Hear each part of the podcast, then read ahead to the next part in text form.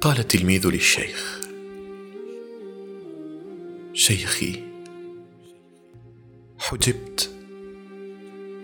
أكون في العبادة فما أشعر بالاقتراب حتى أشعر بالحجاب. فقال الشيخ يا بني ما حجبت إلا بذنب. فأنت من حجب نفسك. فلا حق لك في العتاب على الحجاب. ولكن ما دمت قد عرفت ربك بتوحيده فلن يسلط عليك ذنبك بأكثر من حجاب العتاب.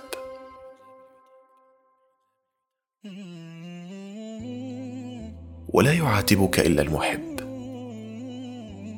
ولو عقلت لعلمت أن هذا الحجب هو في حقيقته تقريب. لأنه يذكرك بحب الله تعالى لك. لكن المحجوب حقا من انحجب بحجب العتاب.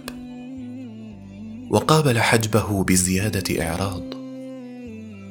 فحال مثله هو حال من واجه حجاب الحب بالرضا بهذا الحجاب. وكأنه لا يأبه بالعتاب. وهذا هو المستحق للحجب الحقيقي.